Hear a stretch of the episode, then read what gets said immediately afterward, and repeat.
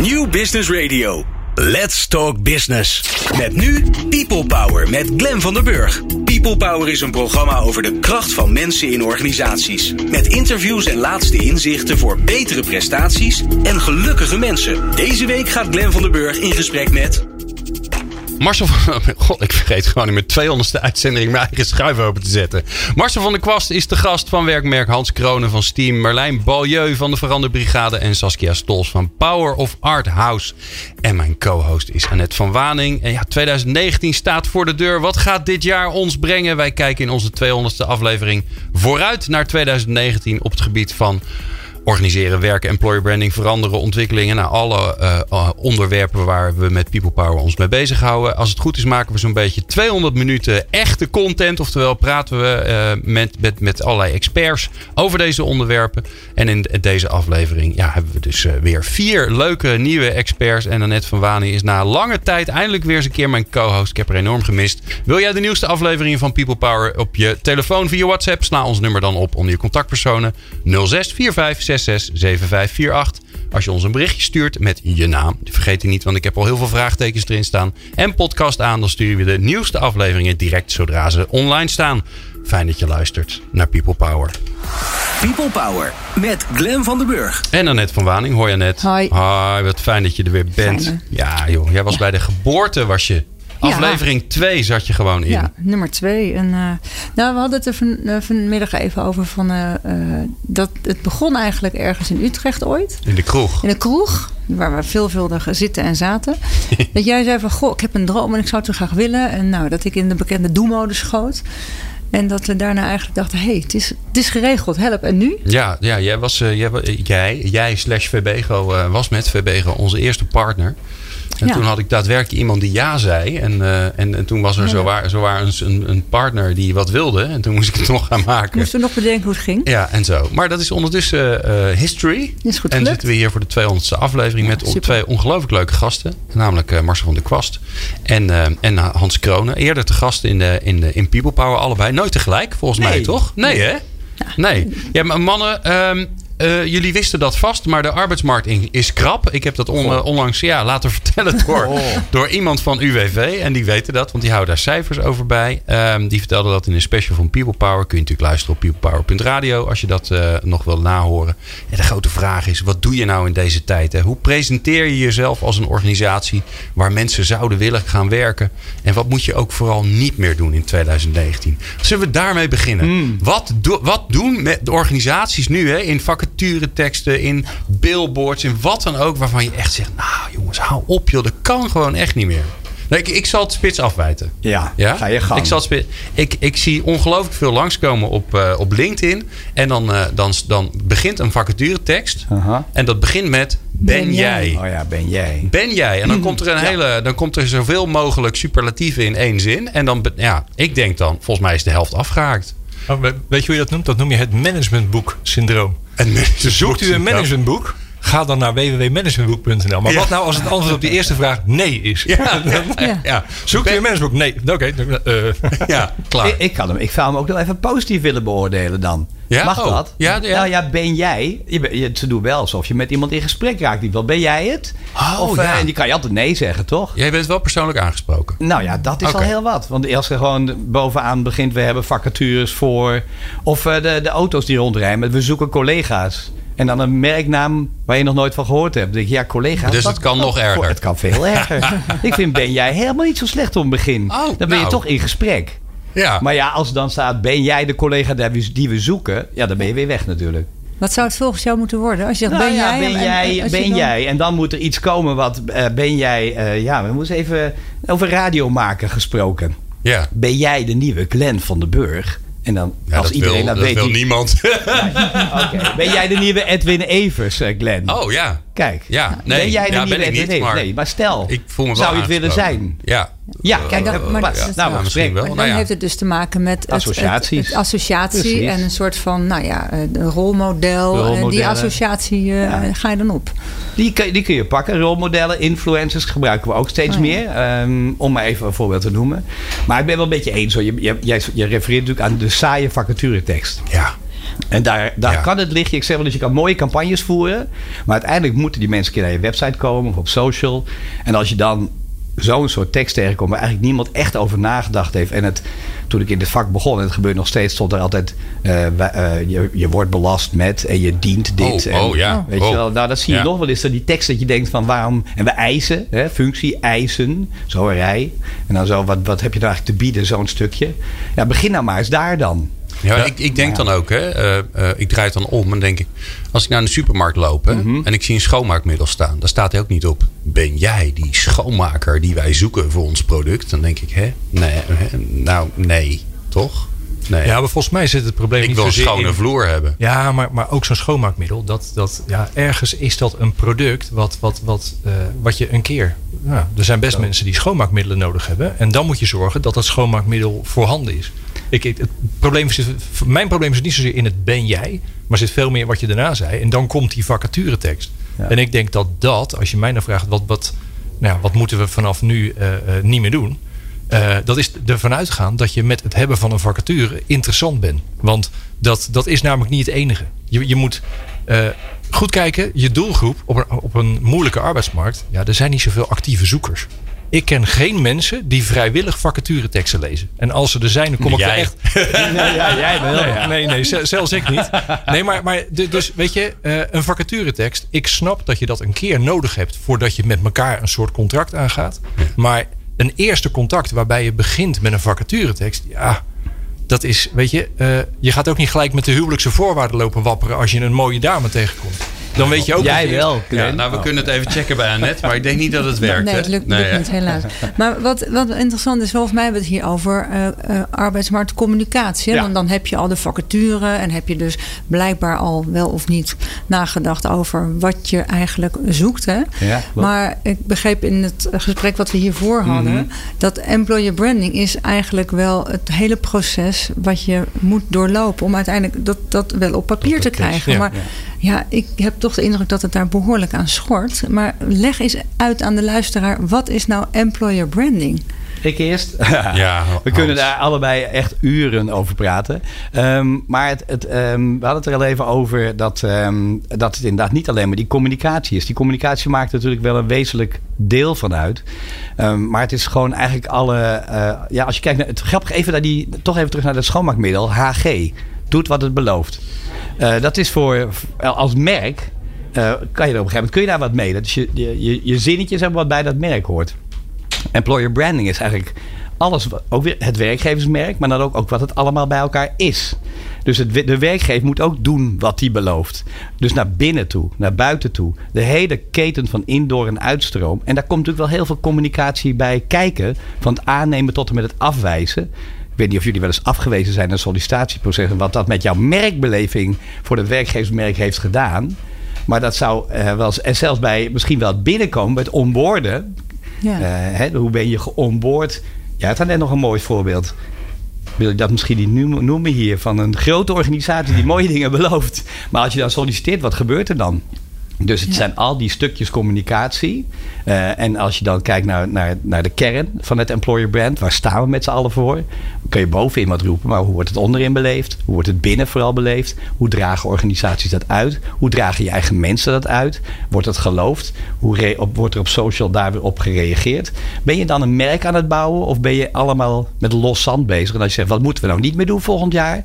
Pas op met dat losse zand en probeer er nou eens één verhaal van te maken. Zodat iedereen die dat tegenkomt denkt, oh, daar heb je dat merk weer. Met een goed verhaal. En ik geloof het, want ik heb die en die gesproken. En die is dat sollicitatieproces ingegaan. En die is echt ontvangen met een feestje en een taartje. En een ding. Ja, het, het, het klopt bij elkaar. Weet je? klopt Het, is, het is dezelfde stem die tegen je praat. En dit herken ik van de vorige keer. En dan is het, als je uiteindelijk een keer een vacature ziet, dan eh, moet daar hetzelfde gevoel in zitten. Als dat je eerder hebt langs zien komen met andere, ja, wat voor dingen dan ook die je hebt langs zien komen van die werkgever. Dat moet bij elkaar optellen tot hetzelfde gevoel. En het gaat ook verder dan alleen werving hoor. Het is ook met name het, het, het clubgevoel van wat een organisatie met elkaar aan het doen is. Ja, dat is je employer brand. Het is dus ook gericht op de mensen die al bij je werken. Nou, sterker Juist, nog, je ja. eigen mensen zijn je employer brand. Dat, dat is namelijk het gevoel wa- wa- waarmee iedereen bij elkaar in die club met elkaar bezig is. Dat is de employer brand. En dan is employer branding, om het maar eventjes in, in woordjes te vatten, dat is met dat gevoel naar buiten gaan. Het werkwoord, ja. En dan is het weer interessant, want dan komt, wat Annette terecht zegt, er komt communicatie komt erbij kijken. En dan vind ik, ja, dan moet je een beetje je best doen als werkgever om dat eerste contact ja, een beetje te verdienen. En dat doe je met meer dan een vacaturetekst. Ja. Tenzij je precies weet tegen wie je praat en je hebt echt een geweldig aanbod voor die ene persoon. Tuurlijk, dan is een vacaturetekst ineens heel nuttig. Maar dan had je hem ook al kunnen bellen misschien. Precies. Nou ja, dat vond ik wel leuk wat jij zei, Marcel. Van, eh, eh, eh, als je een vacature uitstuurt, dan eh, spreek je eigenlijk alleen maar mensen aan die aan het zoeken zijn. Want Ja. als je niet aan het zoeken bent, dan, Ja. nou dan Ja. zelfs als het onder je ogen komt, dan neem je het helemaal niet waar, want je bent niet aan het zoeken. Nee, en het moet kloppen, hè? want de vacatureteksten moeten goed zijn. En er wordt ontzettend veel moeite voor ingestopt om ze ook goed te krijgen. Alleen het, ja, de vacaturetekst als middel naar buiten toe, dat, ja, dat, dat, dat is beperkt. Want ga de onderzoeken maar na. Eh, het verschilt per doelgroep, maar het, het percentage actieve zoekers zit zelden boven de 20 procent. Met Meestal tussen de 7 en de 13 Ja, zo'n beetje. En dan heb je wel een grote eh, groep latent werkzoekenden. Dat is een Ja. hele interessante. Die kunnen vandaag ruzie krijgen met hun baas. En eh, gisteren waren ze nog heel blij, niet op zoek. Zelfs niet op zoek. En dan denken ze, "Hmm, die baas is eigenlijk wel een lul. En ik ga zo om me heen kijken. Ehm, en dan begin je een beetje latent zoekend te worden. Maar die groep die is groot. Dat kan zo Ja. tot de 50% gaan. Dat zijn ook mensen die de markt een beetje in de gaten houden. In de zorg doet men het graag. Even kijken wat die andere ziekenhuizen roepen. Of die andere ouderenzorgorganisaties. Wat vertellen die eigenlijk? En dan, ja, dat zijn mensen waar je dan met het actieve zoeken misschien nog wel even een snellere prikkel kunt geven.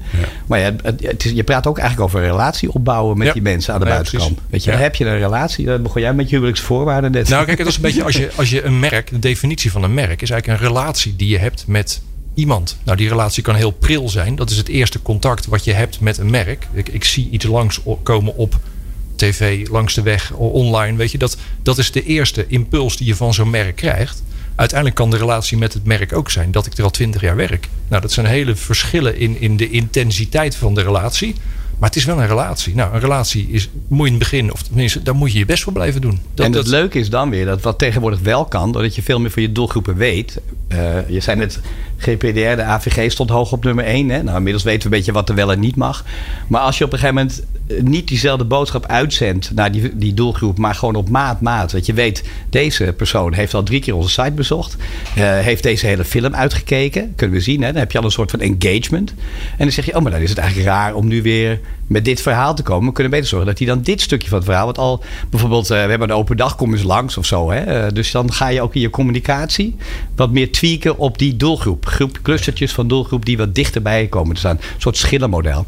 En dat realiseren organisaties ook vaak helemaal niet van hoe ver is die doelgroep eigenlijk, hoe dichtbij me is die doelgroep eigenlijk al? Wat voor relatie heb ik al? Is het, eh, ik weet niet hoe je zit qua tijd, want, eh, Oh, maar, Dat merk je vanzelf. oh, nee, wat, als je, wat zullen we niet meer doen? Dan heb ik er ook wel, los van de vacatures, ik zou, zou ik er nog eentje in willen brengen. En dat is de, de, eh, eh, de losse testimonial. Want ik heb Oh, ja. namelijk, eh, ik vind losse testimonials, dat zijn losse vlodders. Maar je, je kent het wel, eh, want vlak na die vacature die je op LinkedIn ziet, dan scroll je iets naar beneden en dan begint er ineens een wildvreemd iemand. Die begint tegen jou te praten over zijn of haar werk. Ik heb het hier zo naar mijn Zo van, ja, ik heb, in, ik heb inspirerende collega's. Ja, ik neem je even mee naar de afdeling. Ja, ja, precies. Dan heb je, dat is heel leuk te- tegenwoordig, want alles is video. Dan hebben we met video even een 360 rondje gemaakt over onze afdeling. En dan zie je echt een troosteloos beeld van computers, mensen of juist geen mensen, want het was vrijdag. Ja. En dat is dan, weet je, dus dat, dat, dat, daar wil ik van zeggen. Kijk, ik vind video kan je heel veel mee. Mensen aan het woord over hun werk vind ik een onmisbaar onderdeel van employer branding. Alleen losse vlodders. Losse testimonials zijn losse, losse vlodders. Als je geen verhaal hebt waar het allemaal aan bijdraagt, dan, dan, ja, dan waait het weg. Dan, dan, dan scroll ik door, want ik ken die goede man of vrouw niet. En ja, ik wil eerst weten van eh, wie praat er tegen me en waarom zou dat interessant voor me zijn. In plaats van dat we gewoon maar lukraak met een camera mensen gaan filmen. Jan, vertel even wat over je baan, want we zijn aan het werven. Nee, dat werkt niet. Daar moet je ook weer je best voor doen. Maar als ik jullie zo beluister, dan. ehm, weet je, het, het, eh, je, je gaat in, in de do-modus. We hebben iemand nodig. Hè? Dus dan komt er zo'n do-modus op gang. Mhm. Terwijl. ehm, Waar in de organisatie hoort nou het vraagstuk van employer branding thuis? That's the million dollar question. Nou, nou, komt er maar. Net, net. Wat goed. Finally. Ja.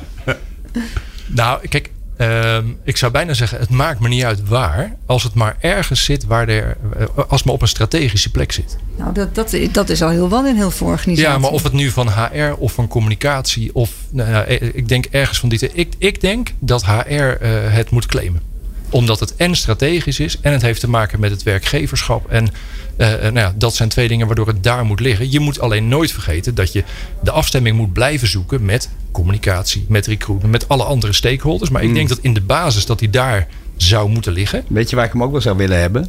Bij de CFO.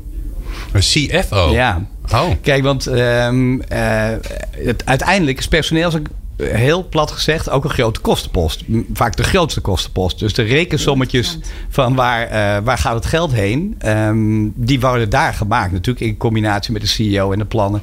Maar als er geen geld is voor, uh, voor employer branding, um, om daar ook echt op strategisch niveau dingen mee te doen, zodat die HR-directeur, die communicatiedirecteur gemeenschappelijke opdracht hebben, eigenlijk van de CEO, dan moet het door die CFO ondersteund worden. Van, het betekent voor de mensen dit, het betekent voor het verhaal dit. En zo moeten we het strategisch gaan insteken. Deze opdracht krijgen jullie. En dit geld hoort erbij. Ja. We hadden het er net al even over. Het is een beetje geclaimd door recruitment. Eigenlijk helemaal niet verkeerd, want die, die staan ook in de do-modus. Ik moet zoveel cv's leveren voor de lijn. En ik heb al een vacature geplaatst. Ik ben al op Indeed geweest, op LinkedIn. En, oh, ja, en waar blijven ze nou toch? Oh, we maken een filmpje, testimonial erbij. En, en dan ben je aan het employer branden. Nee, natuurlijk niet. Dat is het niet. Dus hoe hangt het in die strategische personeelplanning? Hoeveel geld moet er naartoe? Hoe zijn we ook in onze business bezig? Ik vind het ook veel meer bij de business horen eigenlijk. Dan bij, uh, alleen maar bij HR want het draagt, engagement draagt ook bij aan je productiviteit. Uh, het, het, het, het, haalt je ziekteverzuim naar beneden. Weet je, het kan heel veel voor je doen. Het is een merkdenken, maar dan wel op een andere manier merkdenken dan in de productreclame natuurlijk. Dus, en daarom vind ik dat eigenlijk op het allerhoogste niveau thuis hoort. Nou, het is ook, wat, wat ik er mooi vind, is van heel vaak wordt employer branding als een doel benoemd. Terwijl eigenlijk, ik vind een middel. Het is, het is een middel om iets anders, precies wat jij zegt Hans, de, uh, te bereiken van wat, waar zit het probleem in onze organisatie? Moeten we, zoals nu vaak het geval is, naar buiten toe voor meer zichtbaarheid, voor meer werving? Of moet het verloop naar beneden? Moet de, betrokkenheid van onze eigen mensen omhoog? Moet, moeten we uh, de, de afstand overbruggen met mensen uh, met afstand tot de arbeidsmarkt? Als je een van die problemen gewoon ja. tastbaar maakt, die zijn veel beter tastbaar te maken dan dat vage employer branding kan je daar vanuit employer branding iets mee gaan doen. En dan dat is vanuit je verhaal iets gaan doen met nou, bijvoorbeeld de betrokkenheid van je eigen medewerkers. En dan heb je ineens employer branding als een, als een middel benoemd, wat je strategisch in gaat zetten om veel praktischere dingen te bereiken. En die praktische dingen, die moet je becijferen. Want dat helemaal eens met de CFO moet ervan weten. Ja. Want, want nou ja, uiteindelijk moet het geld opleveren. Kijk, we hadden het net al even over, eh, als het niet van recruitment is. Het hoort ook bij de doorstroom. Dus het, hoort, het gaat ook over employability. Ja. Het gaat over communiceren dat je als je ergens lekker zit... dat je op een gegeven moment toch eens keer in beweging moet komen. Omdat die organisatie verandert, het mee verandert. is allemaal ook weer arbeidsmarkt, interne arbeidsmarktcommunicatie. Maar dat moet wel allemaal vanuit een centraal idee, een centraal merk... een employer brand worden geregisseerd. Nou ja, wat ik wel interessant vind, hè, want het, het, het het gevaar van dit onderwerp is: uh, oh jee, uh, we kunnen niet meer makkelijk aan mensen komen. Dan moeten we nu wat aan employer branding mm. gaan doen. Ja, precies. Dat is volgens mij de, groot, de grootste denkfout die je kunt maken. Want het gaat in eerste instantie over je eigen mensen. Exact. Um, en um, nou ja, dat, dat, vind ik ook nog wel leuk van de plek bij de CFO.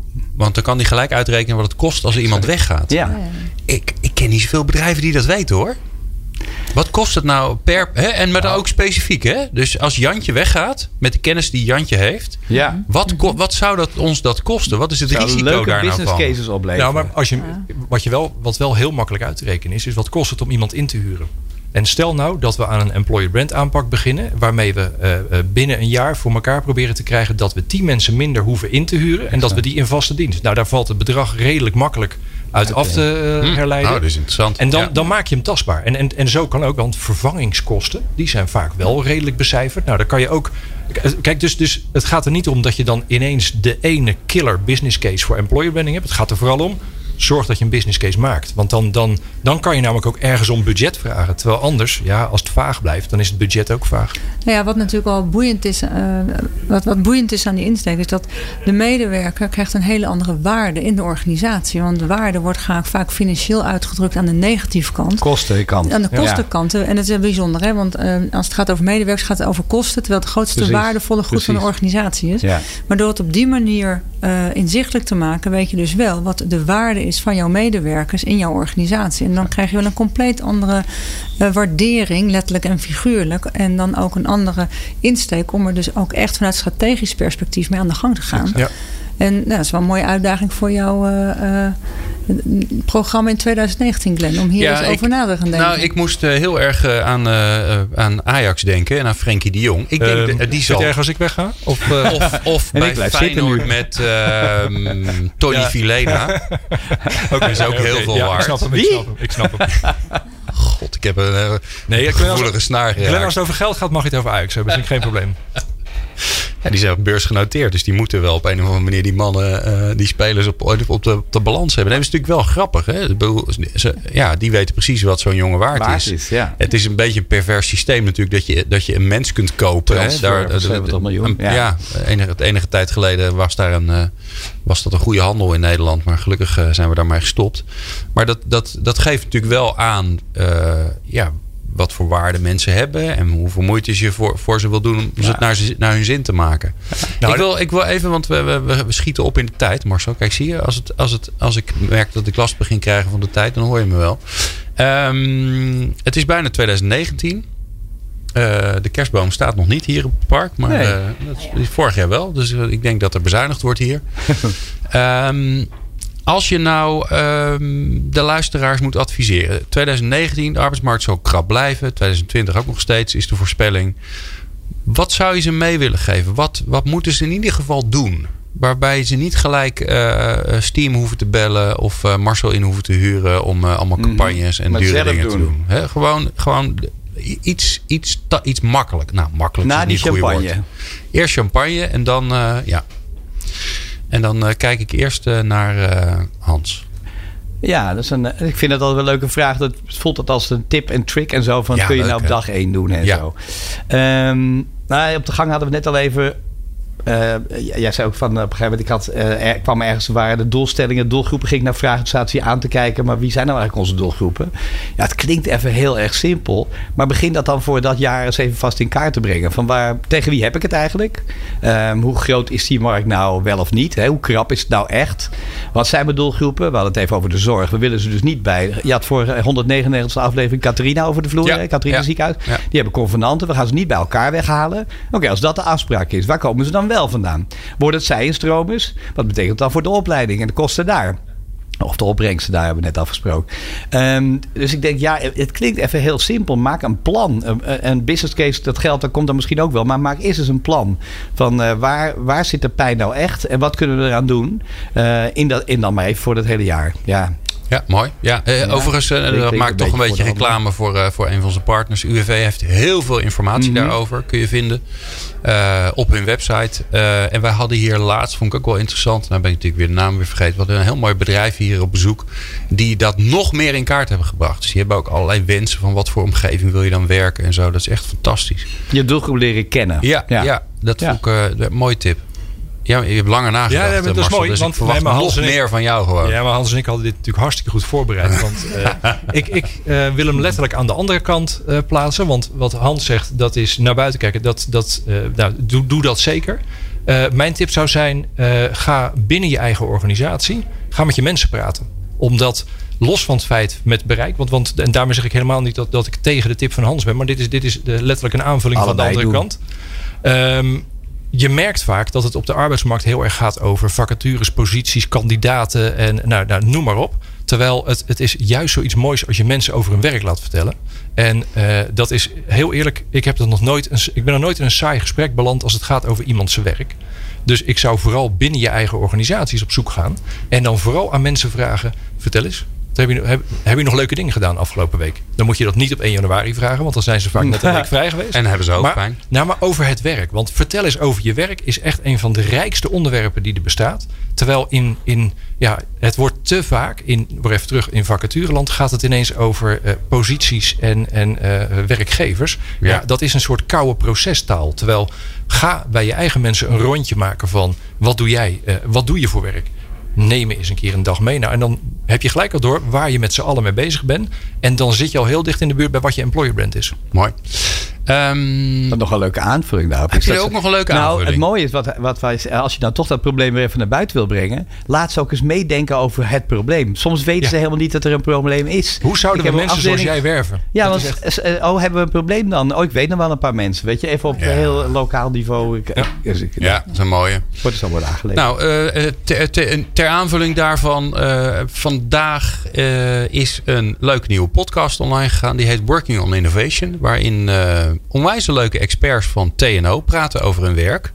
Ehm, eh, over wat ze doen, over de ontwikkelingen die eraan komen. En en passant wordt daar ook nog een URL vernoemd waar je kunt kijken als je mogelijk geïnteresseerd bent in vacatures. Dus eh, als je even googelt op Working on Innovation, dan Leuk. eh, vind je hem wel. En anders zet ik hem wel online voor je. Ook daar hoe je weer het zoetgevoelige stemgeluid van eh, deze presentator. En mocht je nou veel meer nog willen luisteren over arbeidsmarktcommunicatie, dan is daar een podcast voor. Die wordt namelijk gepresenteerd door Marcel van der Kwast. Yay. Marcel, noem even de URL. ja, neem even de URL waar ze hem kunnen vinden. Hier is AMC, heet die podcast. En je kan hem vinden op eh, werk-merk.nl. Nou, tot zover de dienstmededelingen. Als je nog veel meer wil luisteren en niets te doen hebt tijdens de kerst of in 2019. eh, dank jullie wel, heren. Ja, Superleuk dat jullie het weer waren. Marcel van der Kwast en Hans Kroon. En natuurlijk Annette van Waning, maar die blijft lekker zitten. Eh, straks praten we verder, dus blijf lekker luisteren. People Power. Inspirerende gesprekken over de kracht van mensen in organisaties. Met Glen van der Burg. Verandering is van alle tijden, maar zeker in 2019 zal er veel verandering zijn in organisaties. Ja, wat kunnen we in 19, eh, 2000, moet je maar horen, 19, 2000, in 19, 2019. Welke planeet zit jij? Ja, nu al, hè? Ik ben, ik ben net begonnen, joh. Zodat veranderingen in organisaties wel succesvol zijn. En hun doel bereikt worden. Eén ding weten we zeker. Als je doet, b- blijft doen wat je deed, dan eh, krijg je nooit meer wat je kreeg. En de gasten zijn eh, twee bijzonder leuke gasten. Saskia Stolz van eh, Power, of Art House. En Marlijn Beaulieu van de Veranderbrigade. En eh, die hebben we uitgenodigd omdat zij het afgelopen jaar allebei in een uitzending hebben gezeten. En, eh, en daar hele leuke, slimme dingen zeiden over veranderen. En misschien wisten ze dat zelf niet, maar ik vond dat in ieder geval. Dus ik vind het bijzonder leuk dat jullie er zijn. Ehm, en Annette van Waning is natuurlijk, want die is mijn co-host. Ja, hoi. Hoi Annette. Nou, jij bent ook nogal eh, met veranderingen bezig. Ja, dus ik ben heerlijk. Heel benieuwd wat er allemaal gaat gebeuren. hè. Ehm, ja, ik, Marlijn, bij jou beginnen. Ja, goed. 2000, 2019 Yes. is altijd iets geks, hè? Dan is er, een, dan is er een jaargrens. En dan gaan we weer van alles en nog wat daarvan vinden. Mhm. Wa- Wat is dat nou? Ja, dat is echt fantastisch. Dan, als je die meeste verandertrajecten ziet, dan zeggen ze 2019 1 januari, dan klappen we hem om en dan hebben we opeens nieuw Oh, dan gedrag. klappen we hem om. Dan klappen we hem om. Oh, auw. Doet en, het dat- is, en het is nog maar één jaartje en dan gaan alle koersplannen, dus de afgelopen jaren heb je ze allemaal gehad, koers 2020, ja, dan gaat ze, gaan ze gebeuren. Dus tot die tijd even Dan- afwachten, het- dan maar dan gaat het het gebeuren. Ja, en, en, en, en eh, zie je dan bij al die plannen, hè, want 2020 is natuurlijk een mooie, mooie tijd. Hè? Ja, dat is prachtig. Het is twee keer hetzelfde. Het zijn eh, ronde getallen. Nou, er is vast eh, al allerlei filosofische, intelligente dingen over te zeggen. Ehm, hoeveel van de organisaties zouden nou daadwerkelijk kijken wat ze voor elkaar hebben gekregen? Of het gelukt is? Ik denk dat ze er niet aan willen denken. Nee. Nee, beter dat ze nieuwe plannen maken. Maar daar is altijd energie voor, nieuwe plannen. Ik geloof dat frustratie nummer één echt eh, van heel veel medewerkers is dat niks wordt afgemaakt. Dus, eh, en dat, dat zie je ook gewoon bij heel veel mensen. Dat ze altijd wel energie hebben om nieuwe dingen te starten, maar niet om dingen af te maken. Ja, dat is wel, zou wel een goed voornemen zijn om wat meer dingen af te maken. Ja. maar- Nog los van of het goed of niet is. Oh, om het überhaupt af te maken. Ja. Zelfs als het niet goed is. Ja, Oké, toch afmaken. toch afmaken. Waarom? Als het niet goed is, moet je stoppen? Ja, dan weet je van tevoren natuurlijk nooit helemaal. Ja. Nee, volgens mij is het veranderen is natuurlijk een soort continu proces. Hè? Maar het gaat dan even over die, die enorme veranderplannen. Eh, en er zit natuurlijk heel veel sceptisch in organisaties bij medewerkers die daar eh, of weerstand tegen hebben of die denken, nou, het zal mijn tijd wel duren. Eh, en die ervaren natuurlijk ook van ja, ik heb al tien van die veranderplannen voorbij zien komen. En er komen eerder nieuwe dan dat ze worden afgemaakt. ja, het lukt toch nooit. Precies. Hè? Nu gaan we gewoon plannen voor 2025 maken. Dat Zeker. is ook een mooie Dat is een mooi tijd. getal. Ja. Ehm, waarom gaat het zo vaak mis? Je hebt je even. Ja, wel even. Ja, Ja, wel even. Voor mij. Nou ja, even kijken. Ik had net in, in het voorgesprek was eigenlijk wel leuk. Hè? Van, van, eh, werd mij gevraagd van, eh, van, ja, wat is jouw visie op veranderen? En eh, nou, laten we het even over het meer mensgericht veranderen. hè, Waar jullie natuurlijk ook heel erg van zijn. En ik zei ja, eigenlijk de snelste verandering. En die, die is echt instantly, is te zien waar het al gebeurt. Dus dat is niet zozeer een veranderplan of, of heel erg mensgericht veranderen. Maar ik weet zeker dat ongeacht de organisatie waar ik binnenkom... en daar hebben ze een, een idee voor een verandering die ze willen eh, bewerkstelligen... dat er al mensen in die organisatie zijn die het al lang doen. Dus de snelste verandering is gewoon zien waar het al gebeurt. Nou, dat lijkt me goed voornemen ook weer. Ja, mooi. Zeker. Wat een, wat een goeie. Ja, en, en het, het, uh, Saskia, jij bent hier uh, om een hele belangrijke reden. En sterker nog, ik heb vanochtend aan de lijve meegemaakt wat er kan gebeuren als je, als je kunstvormen inzet om verandering te versnellen. Ik was Mhm. vanochtend in de, in de theaterloods in, uh, bij Radio Kootwijk. Bij het, um, het theaterstuk Rauw, wat ze voor de politie hebben gemaakt. Nou, ik, ik heb nog niet gehuild, maar het scheelde niet veel, kan ik je zeggen. Het was echt erg indrukwekkend. Dus ik ging helemaal uh, van slag ging ik weg. Ja, ja. Um, um, ja, dat is een beetje mijn hoop eigenlijk. Dat we in 2019 meer gaan doen van wat jij doet. Kan jij ons meenemen in, um, in ja, hoe je kunst nou zou kunnen inzetten om beweging te creëren in organisaties? Ja, hoe je kunst in kan zetten. Um, ik geloof heel erg in authenticiteit. Uh, wat ik vaak zie is uh, dat er worden wel veel campagnes ontwikkeld om uh, maatschappelijke thema's op de kaart te zetten, maar die zijn vaak heel strategisch bedacht. Um, en soms zijn ze raak, maar heel vaak ook niet, omdat ze te glad zijn. En ik denk dat als, je, als je kunst maakt echt vanuit je hart, en dat klinkt even super soft, maar, maar het is echt zo. Als het heel authentiek is en je gelooft echt wat je maakt, dan breng je het over. En als jij vanochtend uh, geraakt was, dan moet het zo zijn dat de mensen die daar gespeeld hebben, die geloven in die boodschap. Anders werkt het sowieso niet. Ja. ja hoe zie jij dat voor je, Marlijn? Gebruik je wel eens uh, kunstachtige interventies? Ja, nou, soms wel. Uh, ik heb ook wel eens met een uh, kunstenaar door een uh, gebouw gelopen. En die, die, die, die, gaf dan ook weer nieuwe taal. dus die had het echt over, ja, de, de zwaarte zit hier echt in de muren. Dat was bij een, een beetje gereformeerde opleidingsinstituut was dat. En die kwam toen echt met, ja, wat hier nodig is, is meer lichtheid, mildheid en humor. En, en met haar heb ik toen ook een paar interventies bedacht. Als gewoon alle deuren uit, uit alle klaslokalen en of, zou halen. Uh, maar eigenlijk los van of je nou kunst uh, inzet. En uh, overigens geloof ik daar wel in dat dat kan, kan werken. Geloof ik ook wel echt in die authenticiteit dat dat belangrijk is.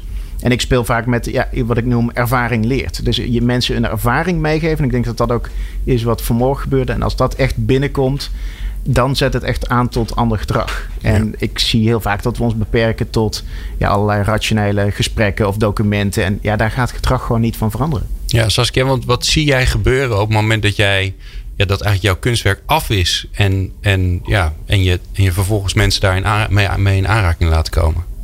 Ja, veel emotie. Wat, je, wat jij net ook al aangaf. Um, wat ik ook denk is dat het uh, inzoomen op het kleine heel belangrijk is.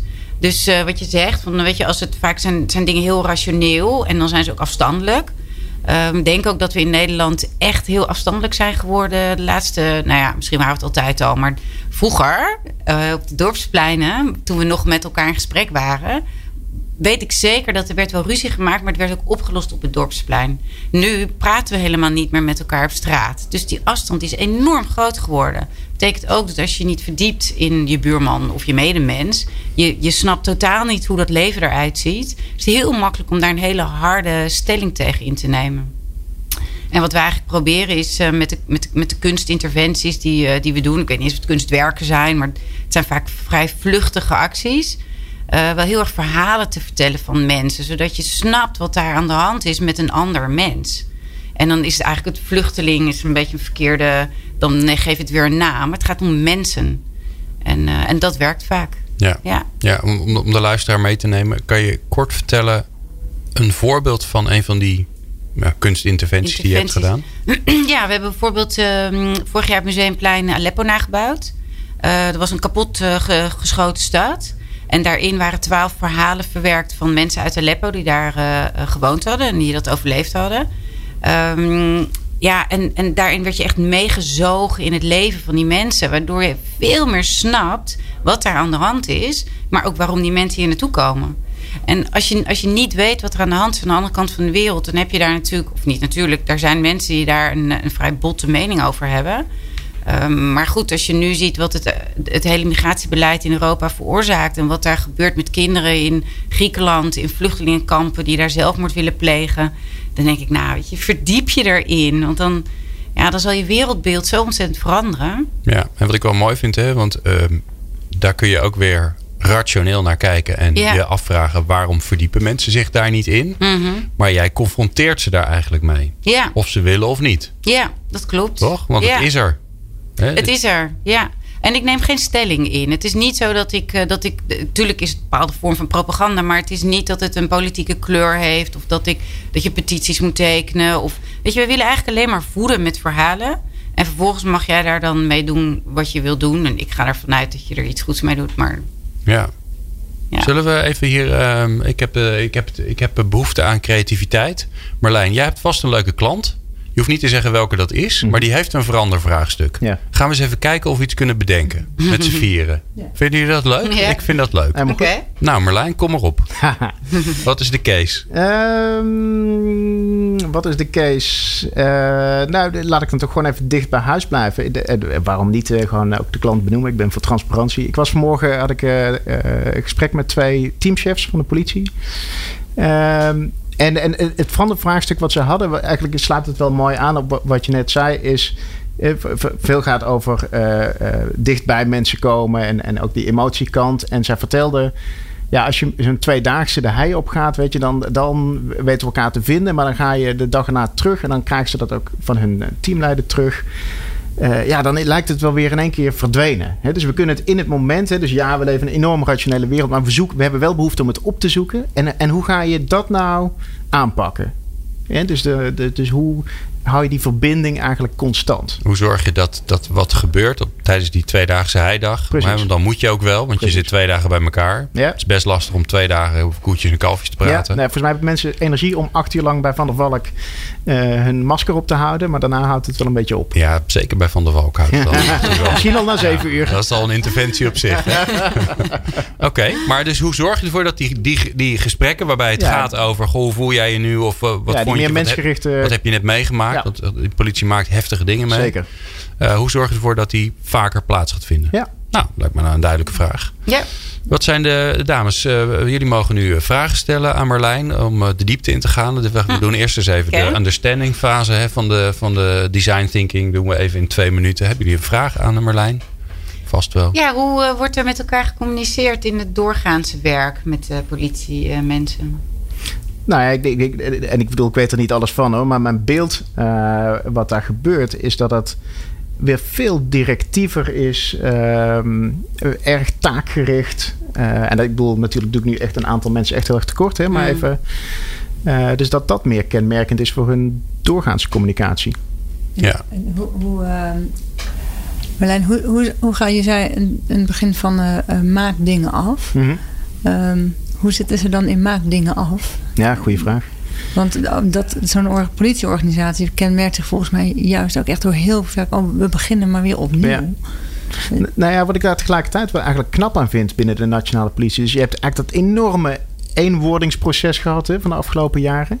En dat kun je natuurlijk zien als een enorme blauwdrukverandering. Of eh, ja, ik, ik zou het echt noemen de, de, de overtreffende trap van prutsen aan de hark. Ehm, maar tegelijkertijd eh, zie je dat er ontzettend veel veranderbewegingen binnen die politie plaatsvinden. Allemaal, eh, met allemaal, allemaal leuke creatieve benamingen. En die krijgen heel veel ruimte en, en, en mandaat om allerlei bewegingen te doen. Dus dat, dat vind ik dan wel weer fascinerend aan zo'n organisatie. ja. Ehm, eh, ik heb ook nog een vraag. Waar zijn we?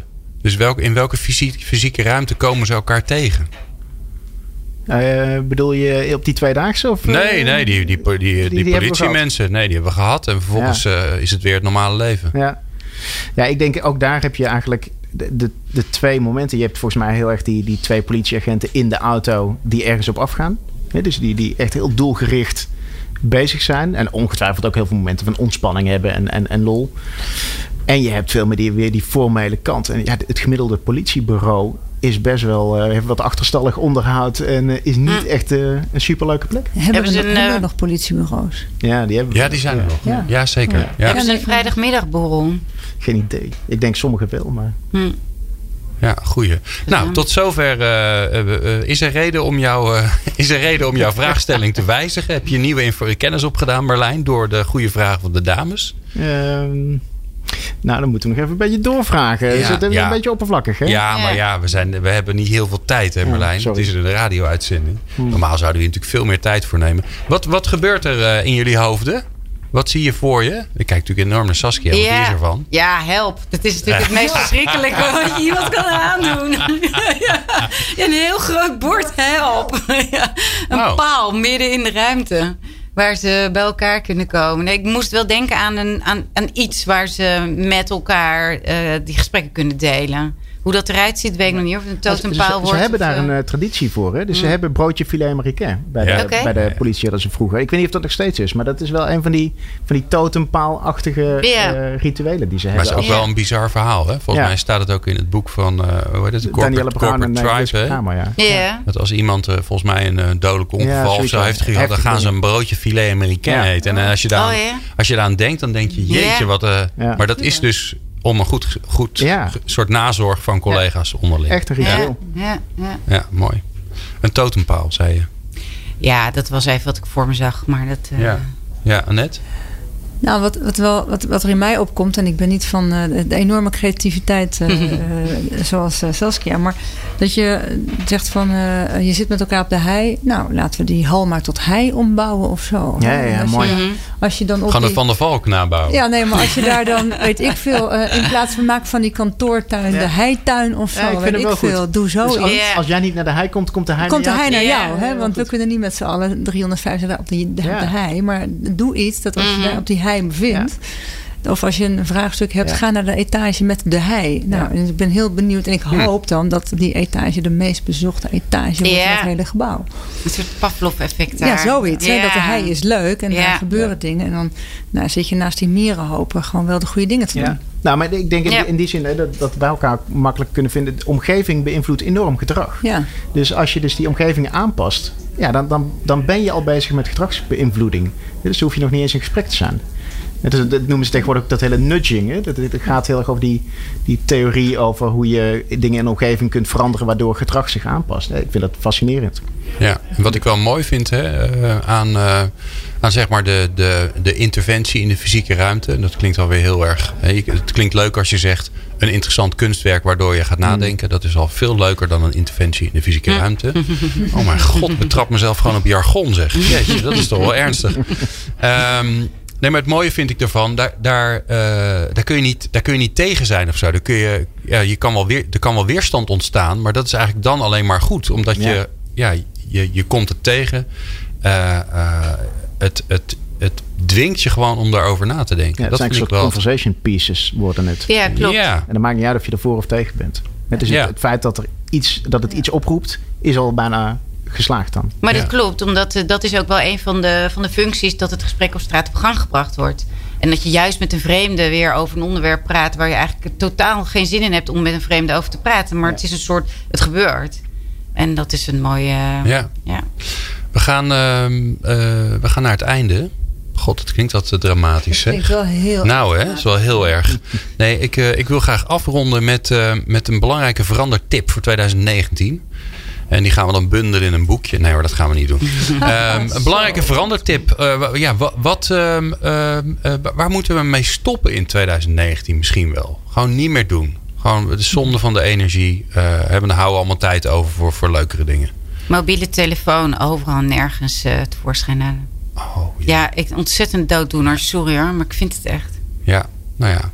Nou, dat is toch een waardevolle. hè? Tegenwoordig, eh, als je een iPhone hebt, weet je tegenwoordig hoeveel tijd je dat gaat schelen. dat vind ik ook een, een mooie interventie, hè? Ja. ja. Marlijn, waarmee stoppen? Ja, we gaan, we gaan stoppen met, eh, wat mij betreft, echt met die algemene oplossingen voor hele specifieke problemen. Dus, dus we stoppen met eh, broodjeverandering en, en eh, Verandering, Ja. vreselijk. ja, maar de, de, de algemene toespraken die iedereen oproepen om kom op, toon, toon lef en toon moed en, en, en niemand voelt zich aangesproken. Dus start nou echt met veel kleinere interventies en, en persoonlijke interventies. Ja. ja. Mooi. Het is weer voorbij gevlogen. Nou. Zoals altijd in deze tijdmachine hier in, eh, in Hilversum. Eh, dank jullie wel Marlijn Beaulieu, Saskia Stolz. En natuurlijk eh, mijn fijne co-host Annette van Waning. Wij zijn nog lang niet klaar. Want dit was het tweede uur van vijf uur lang People Power. Dus wij zien je gezellig straks aan de andere kant. Dankjewel. Meepraten of meer programma's? people-power.nl